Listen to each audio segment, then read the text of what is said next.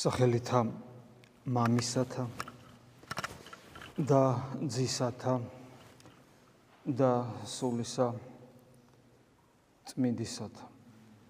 ჩვენ მრავალი ჩვენგანი სამწუხაროა რომ ბავშვობიდან არ ვართ აღზრდილნი ქრისტიანულად. უნდა ითქვას რომ ეს საკმაოდ მძიმე რამ არის? იმიტომ რომ მე როდესაც უკვე ადამიანი ცდილობს რომ სულიერად იცხოვროს აა რასაც ნამდვილი სულიერი ცხოვრება ქვია და არა არა უბრალოდ რელიგიური გზნობები დაიკმაყოფილოს აა იმ პრობლემას, რასაც ჩვენი დაცემული ბუნება ქვია, რომელიც აა ჩვენი სიცოცხლის ბოლო წუთამდე წამებამდე უკანასკნელ ამოსუნთქვამდე ბრძოლას და ღვაწლს საჭიროებს მისი ამ ასეთი ბუნების ქონა და ყველა ასეთები ვიბადებით. ამას ემატება ჩვენ უღმრთობის პერიოდში და დაგროვილი უნარჩვევები.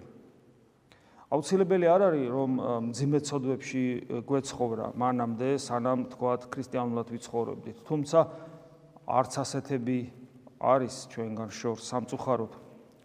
მაგრამ ესეც არ არის აუცილებელი. უბრალოდ, უბრალოდ, როცა ადამიანი არასულიერად ცხოვრობს, ის ცხოვრობს ამასოფლის კანონებით. თუნდაც კიდევ მეორებ ის უმძიმეს ცოდვებს არ ჩადიოდეს, ну იმის გამო რომ რაღაც გარკვეული შესაბამისი აღზრდა მიიღო გარკვეულ კულტურულ გარემოშია და ასე შემდეგ. მაგრამ ამას მნიშვნელობა პრინციპ მნიშვნელობა პრინციპში არ აქვს. რაღაც დოზაზე დონეზე აქვს, მაგრამ არა თელი სისავსით, იმიტომ რომ როგორც არ უნდა ზნეობრივად ცხოვრობდეს ადამიანი და რა ახსდაც არ უნდა მიიღოს ადამიანი ამას სოფლის კანონებით ცხოვრობს. იმიტომ რომ სხვა ტიპის ცხოვრება თუ არა ამას სოფლის კანონებით ამ სამყაროში არ არსებობს. ის რასაც ჩვენ სულიერ ცხოვრებას ვუწოდებთ, ნამდვილ სულიერ ცხოვრებას, ის ამ სოფლის კანონებით ცხოვრებას არ ნიშნავს. ის ზეცის მოქალაქეობას ნიშნავს, სადაც საერთოდ სხვა კანონებია, საერთოდ საერთოდ სხვა წესებია და სხვა უნარჩვევებია ვიდრე ამ სამყაროში.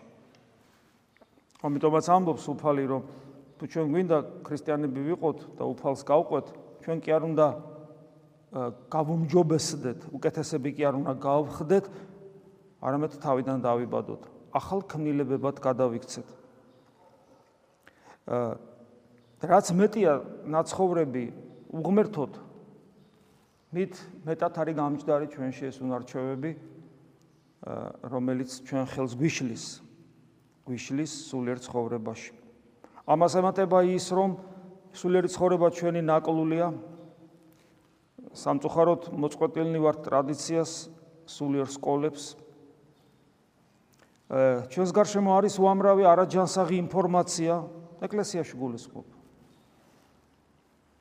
ამას ემატება ზოგ შემთხვევაში არასწორი ეკლესიური ცხოვრების გამოცდილებაც, რომელიც არანაკლებ ცუდია და შეიძლება უარესიც ვიდრე უბრალოდ ურწმუნო ადამიანის ცხოვრებისეული გამოცდილება, ის უნარჩვევები, რომელიც ამ სოფელში შეიძინა.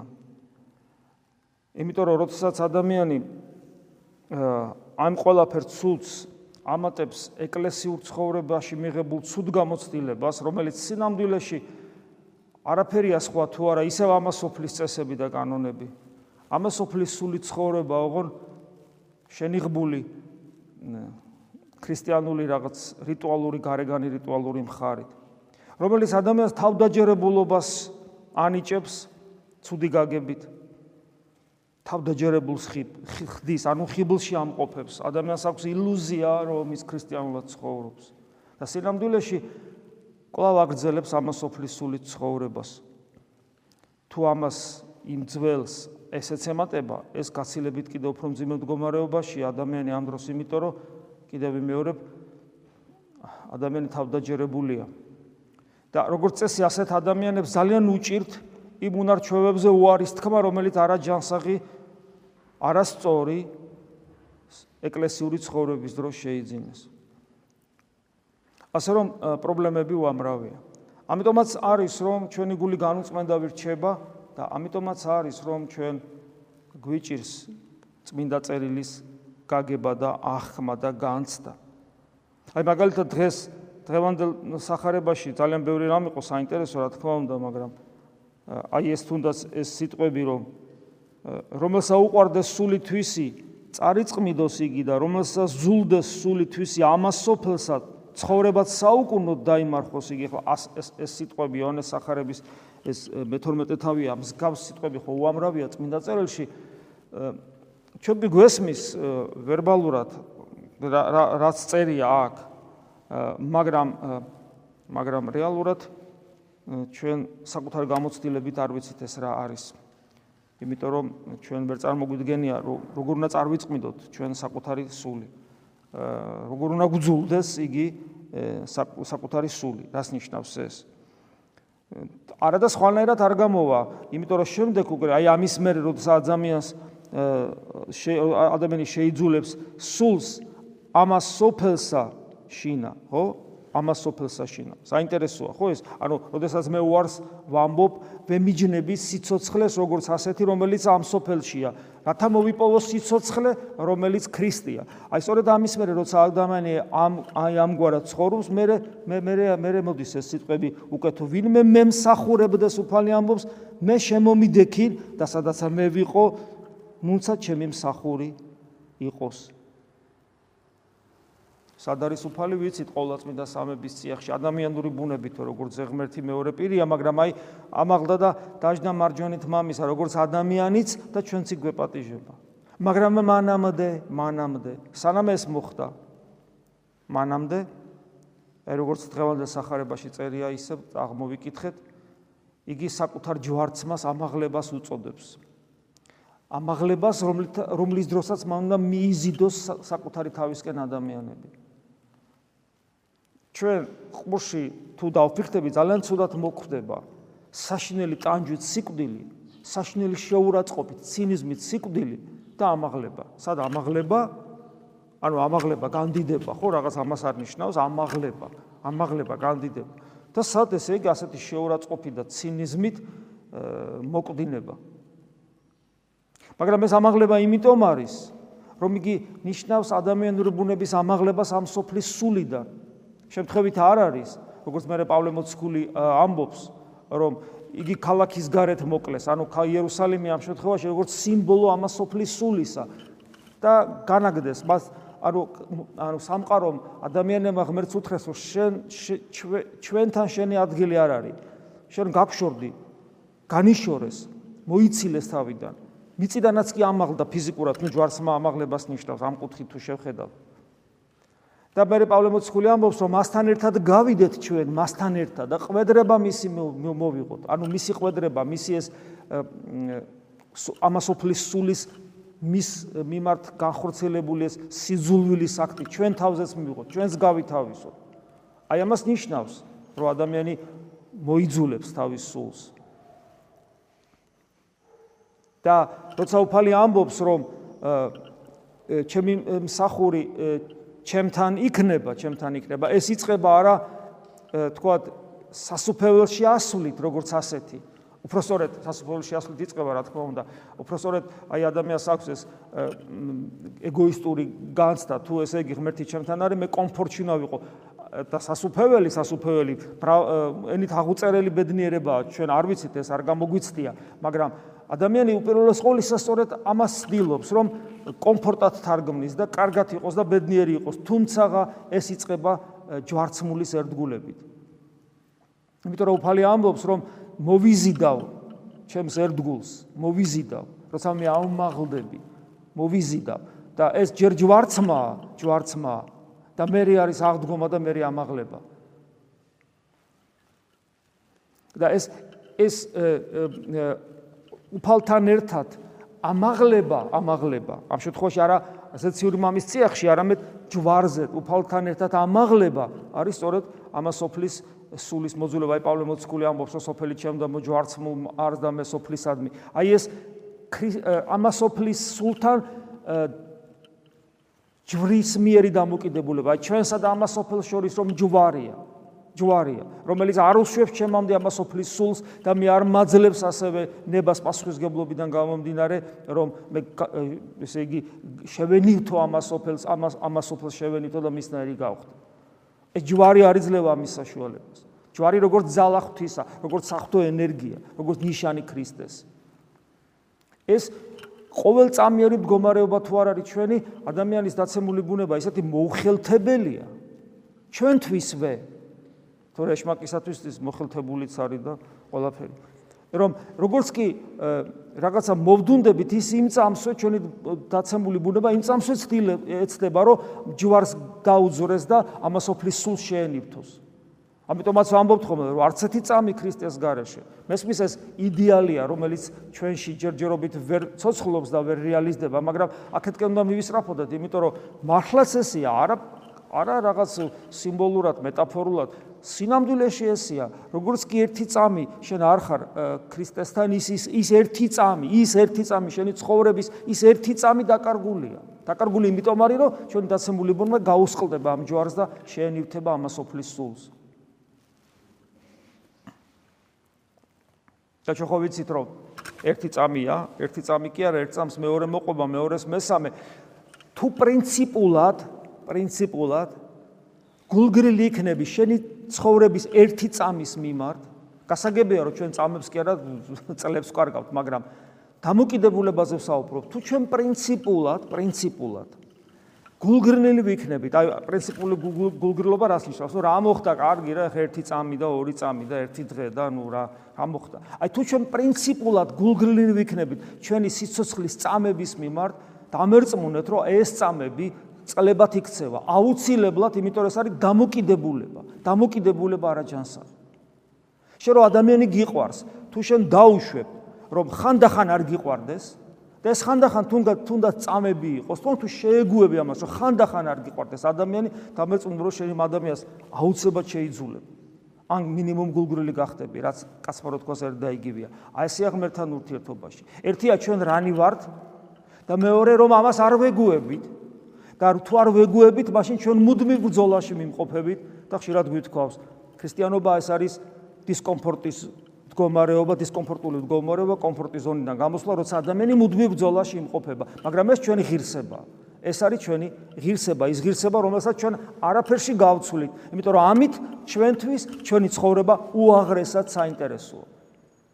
მომხიბლელი, კაი გაგებით ამ სიტყვისა და ეს ჩვენ ბედნიერებას გვანიჭებს. ჩვევებზე ვისაუბრეთ და ერთ-ერთი ჩვევა რომელიც ადამიანს აქვს ამასოფლის სულით მაცხოვრებელს და ანუ ჩვენ გვაქვს ეს ამას ადამიანს აქვს ამასოფლის სულით მაცხოვრებელს ვიღაცას კი არა ჩვენზეა საუბარი. ერთ-ერთი ესეთი ჩვევა არის როცა ადამიანი ბერს ლაპარაკობს.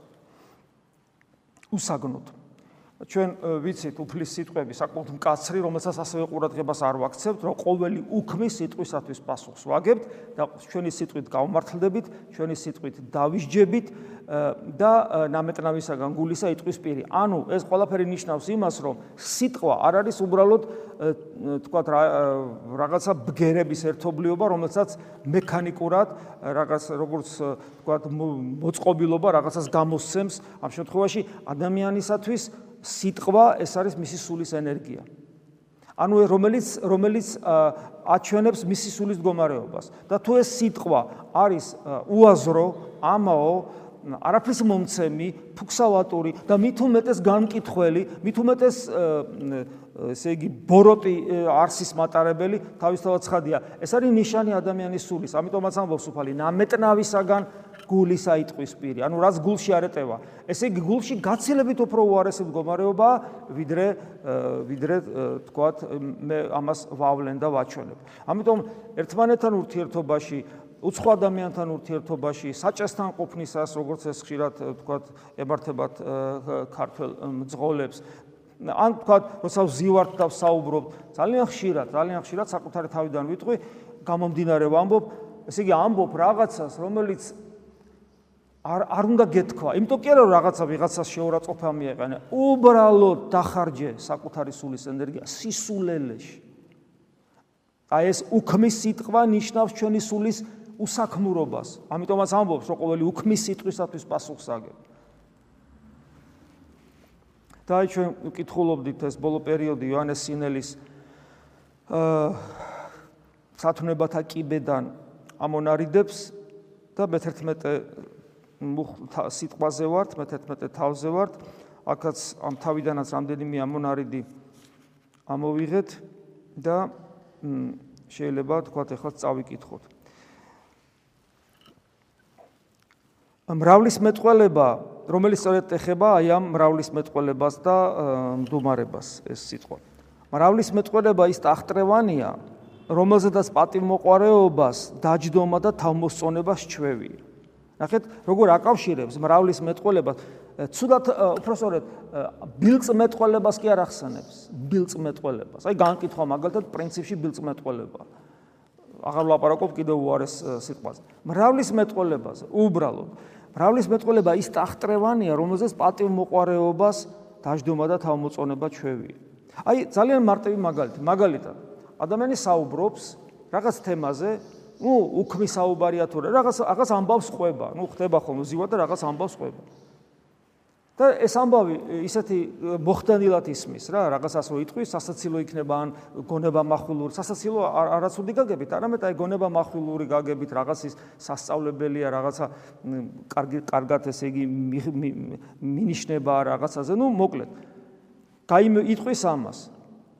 ძალიან ხშირად ჩვენ არ უკმაყოფილდებით ასეთი გონება מחვილური რაღაცის ერთხელ თქმით. მე კიდევ ვიმეორებ და ხანდახან მესამეთაც ვიმეორებ ხოლმე. თითქოს ერთხელ ადამიანებმა ვერ გაიგეს ჩვენ როს თქვი. ეს ერთ-ერთი ნიშანია ჩვენი პატიმოყარეობის. რომ ჩვენ იმდენად ყველა გზნობს და მე გზნობ რომ აი ეს სიტყვა მაგრათი თქვა, ხალხმაც გაიცინა რაღაცა და კიდე ერთხელ და კიდე ერთხელ რომ ეს ეს წყობა პატიმოყარეობით ყობა განვიცადო. და ზოგადად, ზოგადად, ზოგადად მრავლის მეტყოლება მართლაც ესია, იმიტომ რომ როდესაც ადამიანი საუბრობს, იგი თავის პოზიციას ამყარებს სოციუმში, საზოგადოებაში, ადამიანებთან სადაც ის იმყოფება.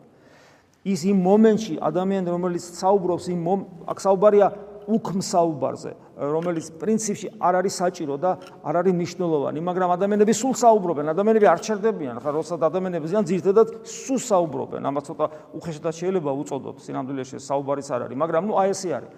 ადამიანი თავის პოზიციას განამტკიცებს, თავის განსაკუთრებულობას წარმოაჩენს და რაც მეც ლაპარაკობს, უფრო მეტად და მეტად ავლენს ამას. ასე რომ ეს ძალიან მნიშვნელოვანია რო გახსოვდეს. მრავლის მეტყოლება უგუნურობის ნიშანია. ბოროტის სიტყვის კარი დაცინვის ხელმძღვანელი. სულ მაწუხებს ეს თარგმნის უხარისხობა როგორც გითხარით იმიტომ რომ ინტერნეტიდან პირდაპირ ამოვიღე ეს და. დაცინვის ხელმძღვანელი სიცრუის მსახური. აი რამდენი რამეა რომ გავყვეთ ესე იგი უგუნურების ნიშანი ნუ იმიტომ რომ ისიც გაგვიგია ხო გამონათქვამია რომ ესე იგი ბრძნული სიტყვა რო ვერცხლია და დუმარება რო ოქროა. იმიტომ რომ მრავლის მეტყველება, რა არის მრავლის მეტყველება? არა მეტყველება, არამედ მრავლის მეტყველება. როდესაც ადამიანი ადამიანი ბევრი სიტყვით საუბრობს, ერთ ერთ ერთი არსის გამოხატვას ბევრი სიტყვით ცდილობს, იმიტომ რომ ადამიანი სულ იფიტება ამ დროს.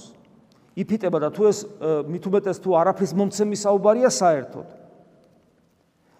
ძალიან ხშირად არის ხოლმე რომ ადამიანები საუბრობენ ისეთ თემაზე, როცა ზივარ დავსაუბრობთ, რომ ყველა მიცის, ყველა მიცის და ადამიანი მაინც იმას საუბრობს.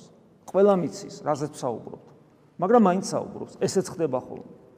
მე მახსოვს ერთხელ რაღაც შეხვედრა იყო აქ ათონის დარბაზში, ჯერ კიდე ჩანასა ჩანასახის მდგომარეობა იყო ათონის დარბაზის ჩანაჟი, ათონის დარბაზის წარეკვა და ერთი ბრევლის წევრია, რომელიც ხანდახან მოდის ხოლმე და არ არის ბოლომდე ეკლესიური ჩვევები, ქრისტიანული ჩვევები არ აქვს, მაგრამ ხანდახან ქრისტიანული ჩვევები ჩვენ დაბკოლებად გვექცევა, იმიტომ რომ ჩვენ ვიცით სად როგორ მოვიქცეთ. ადამიანს რომელსაც ეს ჩვევები გამჯდარი არ აქვს და შეიძლება არც არასოდეს არ გაუჯდეს, იმიტომ რომ ირეკლავს ასეთ ტრაფარეტულ ჩვევებს, ადამიანი ხშირად უფრო გულწრფელია ხოლმე ვიდრე ჩვენ ამ დროს.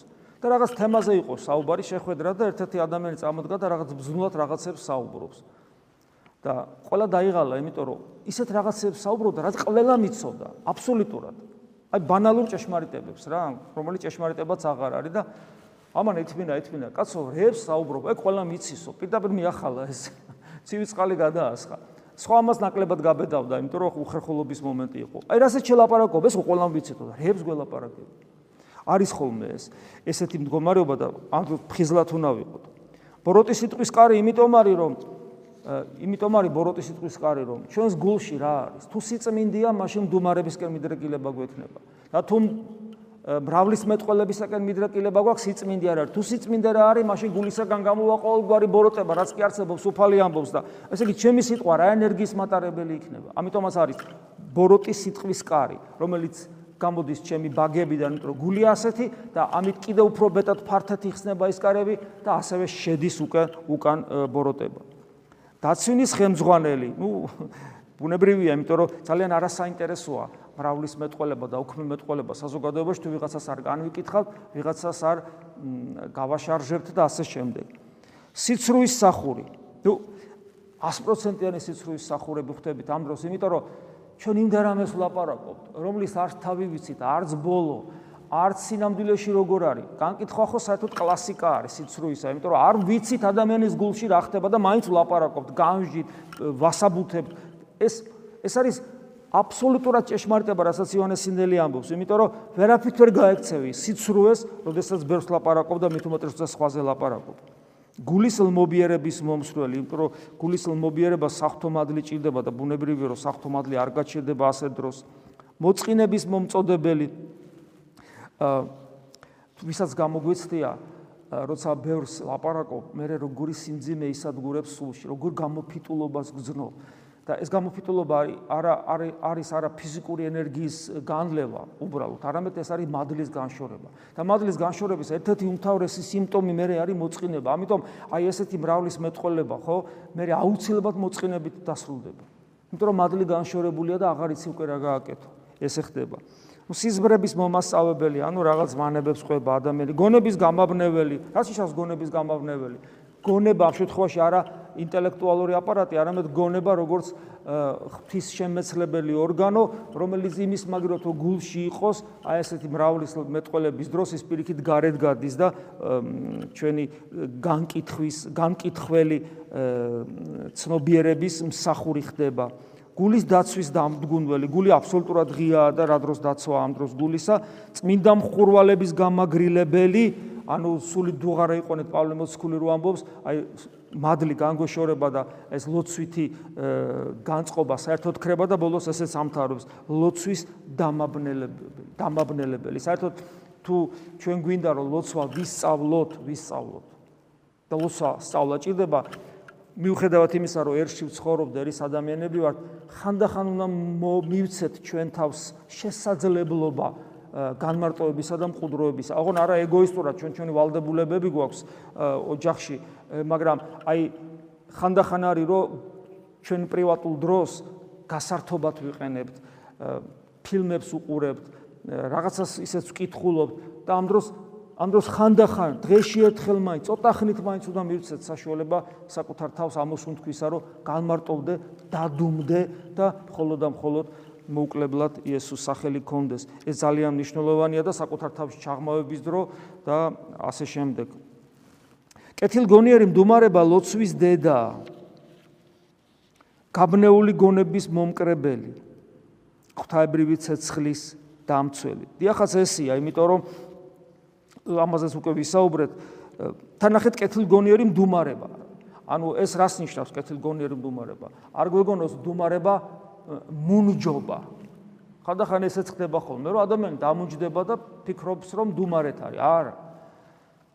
ეხლა პავლე მოციქული პავლე მოციქული იონიო კროპირი შეიძლება ჩავთვალოთ რომ იონიო კროპირი და პავლე მოციქულიც რა თქმა უნდა მდუმარების სათნოებას ატარებენ. მაგრამ არც ერთი არის არც ერთი არ არის დამუნჯებული ანუ მდუმარება ამ შემთხვევაში ნიშნავს, როცა უქმად არ მეტყველებ და შეიძლება იყო ფიზიკურად გაჩუმებული და გულის სიტყვები და აზრებით გადატენილი ამაო აზრებით, გულის და ამაო გულის თქმებით იყო გადატენილი თელი გადატენილი იყო თელი შინაგანი სამყარო. ანუ ეს არ არის ფიზიკური მუნჯობა. ამიტომ კეთილგონიერი მდუმარებაზეა საუბარი, როდესაც შენ გულში, გონებაში მხოლოდ ის სიტყვაა, სიტყვა რომელიც ღვთისათვის სათნოა. ასეთი ადამიანი, რომ წმეტყველებდეს, იგივე პავლე მოციქული და მოვიყვანე მაგალითად, საერთოდ მოციქულები, რომელთა ხმა განხდა ქვეყანასაზე და ანუ მათმა ხმამ, მათმა სიტყვამ მთელი სამყარო მოიცვა. ფიზიკურად ისინი არ მდუმარებდნენ, მაგრამ ისინი მდუმარენი არიან, იმიტომ რომ არაფერს ტყუილ უბრალოდ არ ამბობენ. აა ამიტომაც არის, რომ ლოცვის დედა ხდება, იმიტომ რომ ადამიანის სული მიდრეკილია ღმერთს ეძებს, უთუმეტეს მორწმუნე ადამიანის სული და მას თუ ხელს არ შეუშლი, მას უკვე ღმერთი ენატრება, ღმერთთან საუბარი ენატრება. გაბნეული გონების მომკრებელი, ანუ გონების გულში ჩამყვანებელია მდუმარება და ღვთაებრივი ცეცხლის დამცველი ბუნებრივად, იმიტომ რომ მადლი მოიკრებება, ღვთაებრივი ცეცხლი მადლია. აზრთა გუშაგი. აბა წარმოიდგინე, აზრთა გუშაგი რას ნიშნავს, როცა უცხო არ უცხოს არ შემოუშვებ ჩემში. უცხო, რომელიც მოდის პირდაპირ დემონისგან, ამასოფლის სულისაგან, ადამიანისაგან, რომელსაც ეს უცხო მოაგდა რაღაც სისულელებზე შეიძლება გელაპარაკოს და აზრი, აზრი ან გულის თქმა, როცა მიხვდები, მიხვდები, რომ ეს უცხოა და ღვთისაგან არ არის. მიხვდები რატომ? იმიტომ რომ ის ხშირ შემთხვევაში ეშმაკისაგან მოწოდებული აზრი და გულის თქმა შენიღბულია. შენიღბულია და იგი სიკეთის ანგელოზის სახეს ატარებს, როგორც პავლე მოციქული ამბობს. და ამასაც მიხვედრა ჭირდება. ტრების მეთვალყურე, აი მტერია და უნდა მიხვდე და ვერ მიხვდები თუ აი ესეთი გული გახსნილი გაქვს და ბერს ლაპარაკობ. გლოვის მასწავლებელი. რატო გლოვის მასწავლებელი რას ნიშნავს? დუმარი ადამიანი გონებით გარეთ კი აღარ ეძებს გასართობს, შიგნით ჩადის, უკვე მოიცლის შიდა ცხოვრებისათვის და აღმოაჩენს ცოდვილობას, დაცემულობას, ჯოჯოხეთს საკუთარ თავში და შესაბამისად ის უკვე მგლოვარებას იწყებს. ამიტომ არის დუმარება გლოვის მასწავლებელი და ცრემლის მეგობარი. სიკვდილის ხსოვნის მოღვაწე. სიკვდილის ხსოვნას დუმარება ჭირდება. ადამიანი, რომელიც გასართობად ბერს ისაუბრებს, მას უბრალოდ არ ექნება მის შინაგან სამყაროს, მის გულს არ ექნება შესაძლებლობა სიკვდილი კარგად გაიაზროს, საკუთარი სიკვდილი. საკუთარი პასუხისგებლობა აი ამ დიდებული საიდუმლოების წინაშე უბრალოდ ვერ მოახერხებს ამას. არ ეცლება ამისათვის პირიქით სიკვდილის ხსოვნას ხშირად ადამიანი სწორედ მრავლის მეტყოლებით გაურბის. აი ეს არის, ამიტომ არა და სიკვდილის ხსოვნის garaშე სულიერი ცხოვრება არაფრით არ გამოვა. არაფრით. ეს არის ერთ-ერთი უმთავრესი დამხმარე საშუალება, ინსტრუმენტი იმისა, რომ ჩვენ ღმერთთან გამარტოება შევძლოთ და ვიცოდეთ. იმიტომ რომ ყველაზე მეტად ლოცვაში, ღმერთის ზიებაში ხელს გვიწყობს, როდესაც ამასოფლის ნუგეში გვაკლდება. აი, როდესაც რაღაცა წაგვერთმევა. ხშირად ეს არის ადამიანი, ხშირად ეს არის თქვათ რაღაცა გარკვეული წარმატება ამსოფლიური და ასე შემდეგ. როდესაც რაღაცა წაგერთმევა, იმიტომ რომ თუ არ ვწდები мама ემილიანე საუბრობს, თუ არ ვწდები мама ემილიანე ამბობს, რომ სიმონა პეტრელი რომ გულისა გულში ღმერთისათვის ადგილი უნდა იყოს. ხო, ცოტა ესე უცნაურად ჟღერს ეს ღმერთისათვის ადგილი უნდა იყოს, მაგრამ მეორე მხრივ უფალი არ შემოდის ზალადობით ჩვენში და ჩვენი გული ხშირად სავსეა და მათ შორის მოდი ესე ვთქვა, ამ ქვეყნიური სიკეთეებით გახსოვთ, აი ეს სამი ტიპის ადამიანი რო არის, რო უფალი რო ტრაპეზე ქორწილზე დაუძახებს და იქ ცოლი მოვიყვანე, იქ უღლეული ხარი ვიყიდე, იქ აგარაკი. ანუ არც ერთი, არც მეორე, არც მესამე ცოდვა თავისთავად არ არის, მაგრამ მათი გული სავსეა ამ ქვეყნიური ღვთისაგან მოცემული, მაგრამ ამ ქვეყნიური სიკეთეებით. ადამიან ჩვენ უნდა ვეცადოთ, რომ ჩვენ გამოვათავისუფლოთ გული ღმერთისათვის. ხო და სიკვდილი, ხსოვნა გვეხმარება ამაში. იმიტომ რომ სიკვდილის ხსოვნა ერთგვარი ცუდად არ გაიგოთ მედიტაცია, ანუ აზროვნება იმისა, აი როგორ მოკვდები, როგორ როგორ როგორ იწვევი მასივარში ჩაგდებენ. ნუ ესია, ეს ხო რეალობა, ეს ყველა როგორ ჩვენი სხეული რა რა დღეს ჩავარდება. აი ასეთ რაღაცებზე ფიქრი ნელ-ნელა შენ გულს ანთავისუფლებს და აღმოჩნდება, რომ აი ეს გინდა, ის გინდა, ეს გენატრება, ეს მოგწონს, ეს გიყვარს, ეს გიხარია, ეს ყველაფერი სისულელი, უბრალოდ სისულ, ყველაფერი წაგერთმევა. და ნელ-ნელა შენი გული თავისუფლდება, თავისუფლდება, ღმერთისთვის ადგილი თავისუფლდება შენს გულში. და ეს დუმარების garaში არაფრით არ გამოდის. მარადიული ტანჯვის აღმწერი. იმიტომ რომ იმასაც ხვდები ამ დროს უღმერთობა რო ტანჯვა, უღმერთობა, უღმერთობაა ტანჯვა, უქრისტეობაა ტანჯვა, როგორც ოქროპირი ამბობს. და მომავალი სამჯაროს წინასწარ გამწდელი. ნახე რა საოცარ რაღაცებს ამბობს იონესინელი. მომავალი სამჯაროს წინასწარ გამწდელი. ანუ შენ წინასწარ წინა გემოსხილო გაქვს ღვთის წინაშე რომ წარსდგები და ხვდები რომ თუ ქრისტე შენში არ არის ყველაფერი დამთავრდა ძალიან ცუდად ჩვენთვის იმიტომ რომ ეს არის წინასწარ ეს არის ესე იგი საშნელი სამჟავრო რომ ქრისტეს წინაშე წარსდგარს შენ მთელი არსებით უნდა გინდოდეს ქრისტესთან ყოფნა. და შეიძლება არ გინდოდეს რატომ? იმიტომ რომ შენ თუ ქრისტესთან ყოფნა გინდა ეს ეხლავე უნდა გეტყობოდეს. თუ ეხლა არ მეტყობა მე ქრისტესთან ყოფნა რომ მინდა თუ ეხლა ყველაფერს არ ვაკეთებ იმისათვის რომ მე მასგული გამოუნთავისუფლო რომ მოუკვდები ხორციელად. მე კი არ შევიცვლები. რაც ავარ იქაც ეს ვიქნები ლუარსაბ თათქარიძე უყვარდა ჭამა რომ მოკვდებოდა მაინც ეგეთი იქნებოდა რა მე კი არ შეიცვლებოდა რა თქმა უნდა საჭმელი აღარ ექნებოდა ეს ალკე ტანჯვის საფუძველი იქნებოდა მისთვის მაგრამ ადამიანი გარდაცვალებით აი ეს არიცვლება როგორც პიროვნება მისი ინტერესებით მისი სურვილებით მისი მიდრეკილებებით თუ ვნებებით ახსავსია ვნებებით ახსავსო ყველა ვართ მაგრამ თუ მას ეს უყვარს ეს ვნებები უყვარს და მისთვის ეს სიცოცხლეა. გარდაცვალების მერეც ეს იქნება მისთვის სიცოცხლე და სხვა არაფერი. და აი ამიტომ უქრისტეობა გულში რო ქრისტე არ აყვავს და ჩვენი ბრალი რომ არის ეს?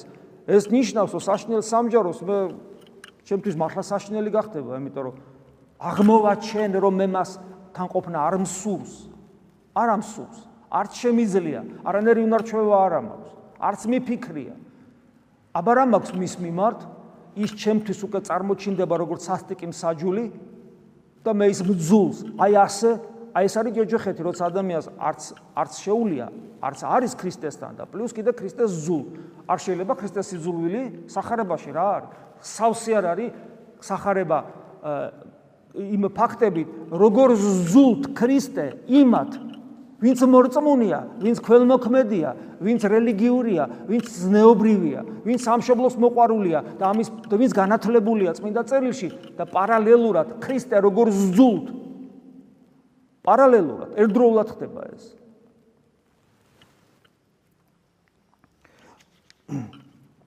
მაცხონებელ წუხარებაში წარმატების მომტანი.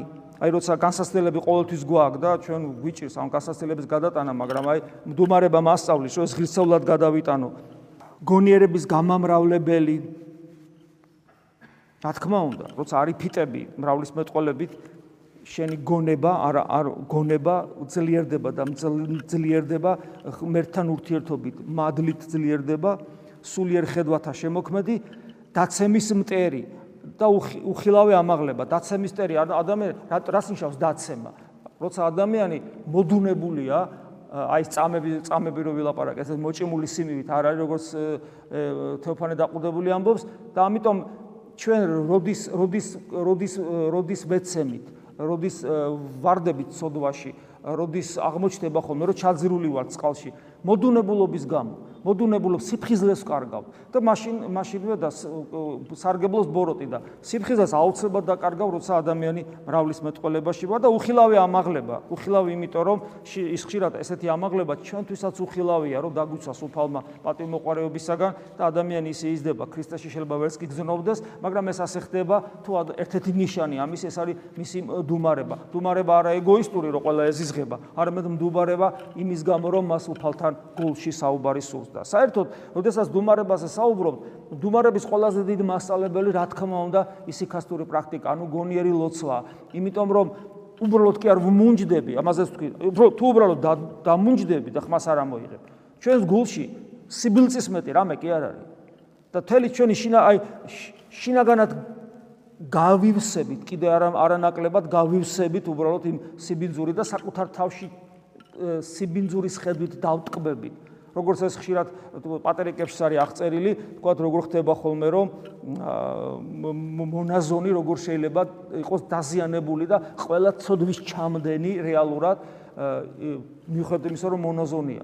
ხო აი აი მაგალითად ხუთი სულელი ქალწულის ამბავი ყველა თითქოს ყველაფერს სწორად აკეთებენ, სწორად ცხოვრობენ, მაგრამ ქრისტე მათ არ იცნობს. რატო არ იცნობს მათ ქრისტე? იმიტომ რომ შინაგანი მდუმარება არა აქვს. შინაგანი, იმიტომ რომ შინაგანი მდუმარება ნიშნავს ქრისტესთან ყოფობას და არა საკუთარი გულის გაუკუღმართებულ გულში თქვა გარკვეული ნებებით თკბობას. ამიტომ არის რომ იესოს ლოცვა არის მასწავლებელი ჭეშმარიტი მდგომარეობისა. როდესაც შეიტკბო, ანუ შენ გამოცდილებით იცი, რომ გონებით გულში რომ ყოფნას ნელ-ნელა რომ სწავლობ, იესოს სახელი როცა მოუკლებელია, მე წინა გემოს ხელვარო ხილვარო წინა გემოს ხილვარო გაქვს უკვე ზეცის მოქალაქეობისა და იესო ტკბილი რო შემთხვევითი სიტყვათა წყობა არ არის ეს გამოსtildeებით მოცემულია და როცა შენს ნელ-ნელა ხდები ამ გამოსtildeების თანა მონაწილე უბრალოდ ჩვენთვის საინტერესო აღარ არის უსაგნო თემებზე საუბარი და ამასופლის საკითხების განხილვა. ეს არის. და თუ მოგი და და სანამ ამ მდგომარეობას მიაღწევ და როცა მოგიხდება ამასופლის რაღაც საუბრებში ჩართვა, მე გძნობ სიმყრალეს ამ სიტყვის აი პირდაპირ გაგებით საკუთარ გულში და გული გერევა, მე საკუთარ თავზე და ბრაზობ და უმძიმეს სოდვათ უთვლი ამას საკუთარ თავს, იმიტომ რომ ის წამებია თუ წუთებია, როგორ უვაზროდ გაფლანგე და სიმყრალეში ამყოფე საკუთარი თავი, სიმყრალეში, რომელსაც ამას სოფლის სული ქვია. ამიტომაც ამბობს ადრეს გითხარით, წმინდა წმინდა დიახაზ და ალბათ მის კანონიზაციას მოხდება მამა ემილიანე, როცა საუბრობს, რომ ესე იგი მონაზონზე საუბრობს, მაგრამ რაღაც გაგებით ჩვენ ხო არ განსხვავდებით მონაზნობისაგან არსში უბრალოდ ცხოვრების ფორმა გვაქვს სხვანაირი და საუბრობს ესეთ რამეს რომ მონაზონი რომელიც ინტერესდება საერო საქმეებით, სოფლიოში მიმდინარე პროცესებით, პოლიტიკით და მათ შორის საეკლესიო პოლიტიკით ადრეც გითხარით, გახსოვთ, ესეთი მონაზონი გავს ადამიანს რომელიც ტუალეტში ვარდება პირდაპირ თავისი ნებით. აი პირდაპირ ესე ოღონ ოღონ კიდევ უფრო მძაფრად ადრეც გითხარით, კიდევ უფრო მძაფრად სიტყვებით გამოხატავს ამას. და ჩვენ ხო ვიცით როგორი სენია ეს, როცა რა გვაქვს საკეთებელი და რა გვაინტერესებს. კი ხას უსვავს თან, მათ შორის საეკლესიო პოლიტიკითაც კი.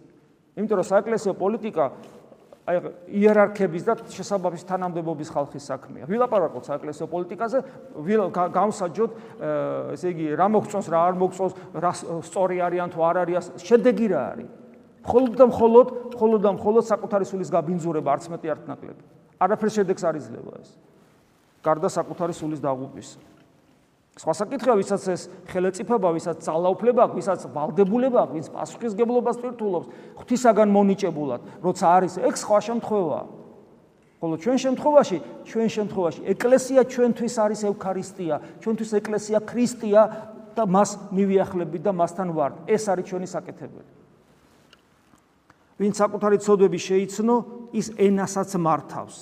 ხოლო მრავლის მეტყველს თავი ჯერაც კი ვერ შეუცვნია ისე როგორც საჭიროა. აი ეგ არის რავლის მეტყოლება ნიშანი საკუთარი ცოდვილობისა, რომელსაც საკუთარი თავი არიცის და ამის პარალელად მე რო დგავარ და განვიკითხავ, განვიჟი, დიაგნოზსვავ, ის ესე მოიქცა, ეს ასე მოიქცა, ამაზე გარკვეული აზრი მაქვს იმაზეც. ნიშანია, რომ თეოდორე შენ საკუთარი თავი ვერ გამოგიცუნია და ფაქტობრივად ეს არის ჩემი ჩემი დაცემული ბუნების ილუსტრაციას ვახდენ. ამიტომაც ამბობს უფალი, რასაზომითაც სხვას განვიკითხავ, იგივე საზოვით მე განვიკითხები. და ბულოს კიდე ერთი მუხლი, ვინც აა ვინც თავის ამ ქვეყნიდან გასვლას იხსენებდეს კიდევ სიკვდილზეა საუბარი, მან დაამარცხა მრავლის მეტყველება. აი ნახეთ, როგორია, ერთი საფრთხეობა მეორეს გამორიცხავს. თუ ჩვენ მუდმივად გვახსოვს ჩვენი სიკვდილი, ჩვენ აღარ ვიმეტყველებთ. აი ესე ბევრს უქმად, ხოლო ვინც სულიერი გლოვა მოიპოვა, ის მრავლის, ანუ ერთია რომ ესე იგი თუ მახსენდება მუდამ ჩემი გარდაცვალება დამარცხებული მაქვს მრავლის მეტყოლება, მაგრამ თუ ამას ამასთან ერთად სულიერი გლოვა, გლოვარება საკუთარ უღმერთობაზე, უქრისტეობაზე, ცოდვებზეც თუ სულიერი სულიერი გლოვა მოიპოვა, ეს არის მოუკლებელი სინანული, იგივე როგორც ისააკასური ამბობს, ადრეს გითხარით, სინანული 24 საათიანი უნდა იყოს მოუკლებელი. ეს არის ქრისტიანული ცხოვრების წესი. თუ ასეთია, ის მრავლის სიტყვაობას ცეცხლივით გავუდის. ხო გესმით? უბრალოდ კი არ დაამარცხა, ცეცხლივით გავარ ზულს მრავლის მეტყოლება. აი ეს მდგომარეობა მდუმარება მრავლის მეტყოლების საპირისპიროდ არის ერთ-ერთი შესაძლებლობა ქრისტესთან ერთად სანამ ზეცაში ავმაღლდებით, მანამდე ქრისტესთან ერთად ჯვარზე ავმაღლდეთ. იმიტომ რომ ეს ძალიან ძნელია, რაზეც ჩვენ საუბრობთ. იმიტომ რომ ეს არის საკუთარი თავი ჯვარცმა, საკუთარი ხორცის, ნერვული სისტემის, ჩვენი მიდრეკილებების, უნარჩვევების, ამ ქვეყნიური სიცოცხლის უარყოფა და ანუ საკუთარი თავი ჯვარცმა, ნეფსი ჯვარცმა ქრისტესთან ერთად. იმიტომ რომ ვისაც ამის გაკეთება უცდია, მან იცის რომ ძალიან რთულია და ძალიან ძნელია. მაგრამ ამას ვერავითარ შემთხვევაში ქრისტეს გარეშე ვერ გავაკეთებთ. ამიტომ ეს ყველაფერი, ეს ყველაფერზე ჩვენ საუბრობთ. მხოლოდ და მხოლოდ გონიერი ლოცვით მიიღწევა და ისწავლება. სხვანაირად ამას ვერავითარ შემთხვევაში ჩვენ ვერ განვახორციელებთ. აი ეს არის პრაქტიკაში ის, რაზეც ჩვენ დღეს წმინდა წერილში ვისაუბრეთ, რომ უარყოთ საკუთარი თავი, რომ გავხდეთ ქრისტიანები. თუ ამას არ გავაკეთებთ, მაშინ ჩვენ საკუთარ თავს დავიღუპავთ. ყოველი სახარებისეული ეს მუხლი ცოცხლდება პრაქტიკაში და პრაქტიკას კიდე გვასწავლიან ესეთი დიდი ასკეტი მამები, როგორც ივანე სინელი და სხვანი იყვნენ. შეგვეციონ ამგვარი მამები ჩვენ სულიერ ცხოვრებაში. ამინ. მადლი უფლისა ჩვენისა იესო ქრისტესი და სიყვარული ღვთისა და მამისა და აზიარება სული საწმინდისა იყოს თქვენ ყოველთა თანა. ამინ. ქრისტე აღსდგა.